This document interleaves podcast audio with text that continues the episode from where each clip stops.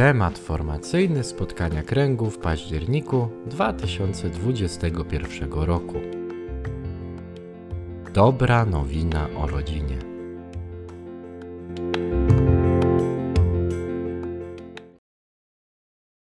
Radość miłości przeżywana w rodzinach jest także radością Kościoła. Jak wskazali ojcowie synodalni, pomimo licznych oznak kryzysu małżeństwa, pragnienie rodziny jest stale żywe, zwłaszcza wśród ludzi młodych i motywuje Kościół. Odpowiadające na to pragnienie chrześcijańskie przepowiadanie dotyczące rodziny to doprawdy dobra nowina. Ojciec święty Franciszek w posynodalnej adhortacji apostolskiej Amoris Leticia daje nam, małżonkom formującym się w domowym kościele, kolejną sposobność do refleksji nad swoim małżeństwem i rodziną.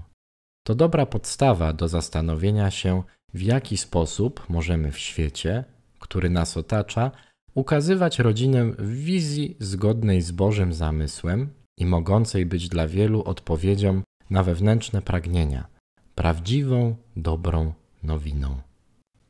Jak zauważa papież, ryzykując zbytne uproszczenie, możemy powiedzieć, że żyjemy w kulturze, która wywiera na ludzi młodych presję, by nie zakładali rodzin ze względu na brak perspektyw na przyszłość. A ta sama kultura proponuje innym tak wiele opcji, że również oni są odwiedzeni od założenia rodziny. Nie da się jednak ukryć, że z badań na temat priorytetów młodych ludzi oraz rozmów z nimi wynika coś bardzo obiecującego. Rodzina jest dla nich nadal największą wartością, do której dążą, którą chcieliby stworzyć. Życie rodzinne z całym swoim bogactwem jest przestrzenią do ukazywania sobie i innym Boga przepojonego miłością, delikatnie wkraczającego w ludzkie życie, jednoznacznie pragnącego zbawiać tych, których stworzył. Różne sytuacje, będące treścią życia rodzinnego i sposób ich przeżywania od samego początku były miejscem, w którym objawiała się Boża miłość i ludzka wolność.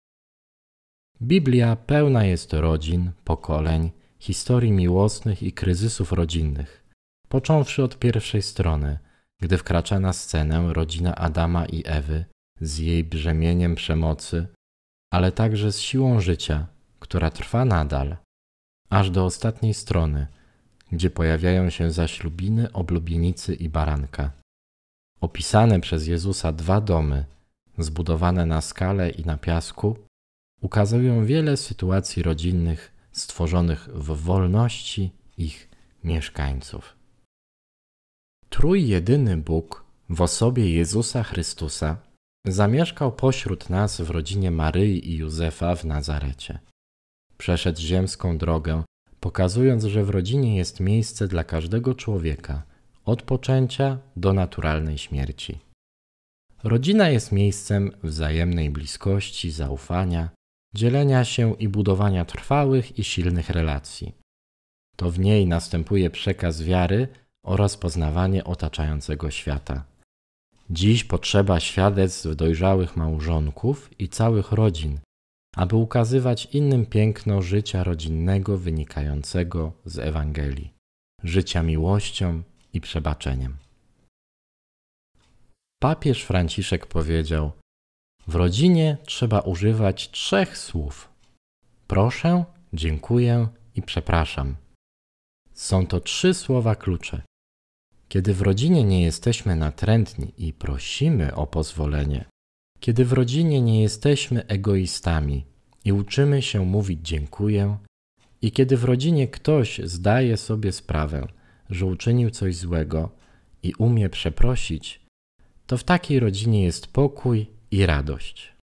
Nie skąpmy używania tych słów, bądźmy hojni, powtarzając je codziennie, bo uciążliwe są pewne milczenia, czasem nawet w rodzinie, między mężem a żoną, między rodzicami a dziećmi, między braćmi.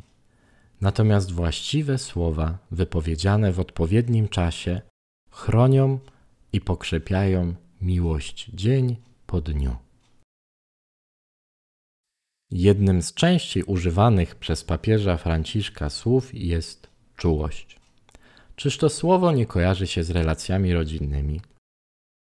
Dalej, w wielu innych miejscach Ojciec Święty wspomina o współczującej bliskości.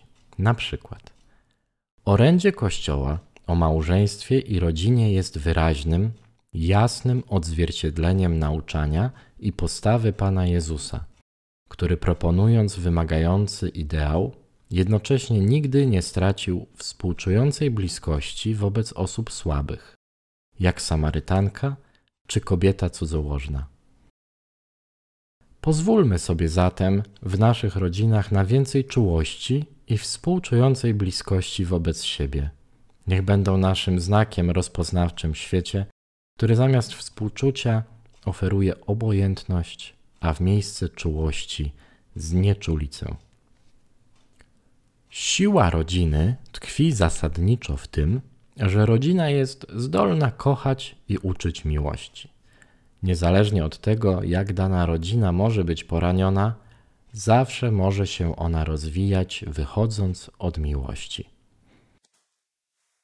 Bez względu na to, kim jesteśmy i jak długo się formujemy, przed nami piękna perspektywa rozwoju duchowości małżeńskiej, na którą domowy Kościół zwraca szczególną uwagę. W ten sposób nasze małżeństwo i rodzina mogą stawać się coraz bardziej dobrą nowiną o Bogu, który jest miłością.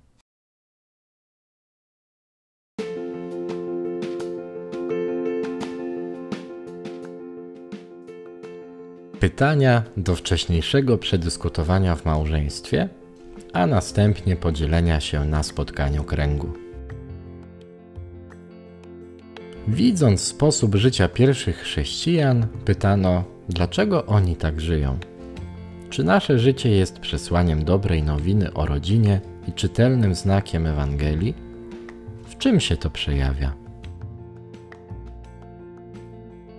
W jakich sytuacjach mam problem z używaniem słów proszę, dziękuję, przepraszam w życiu osobistym, małżeńskim i rodzinnym? W jaki sposób zamierzam to zmienić? W jaki sposób w naszej rodzinie objawia się czułość i współczująca bliskość?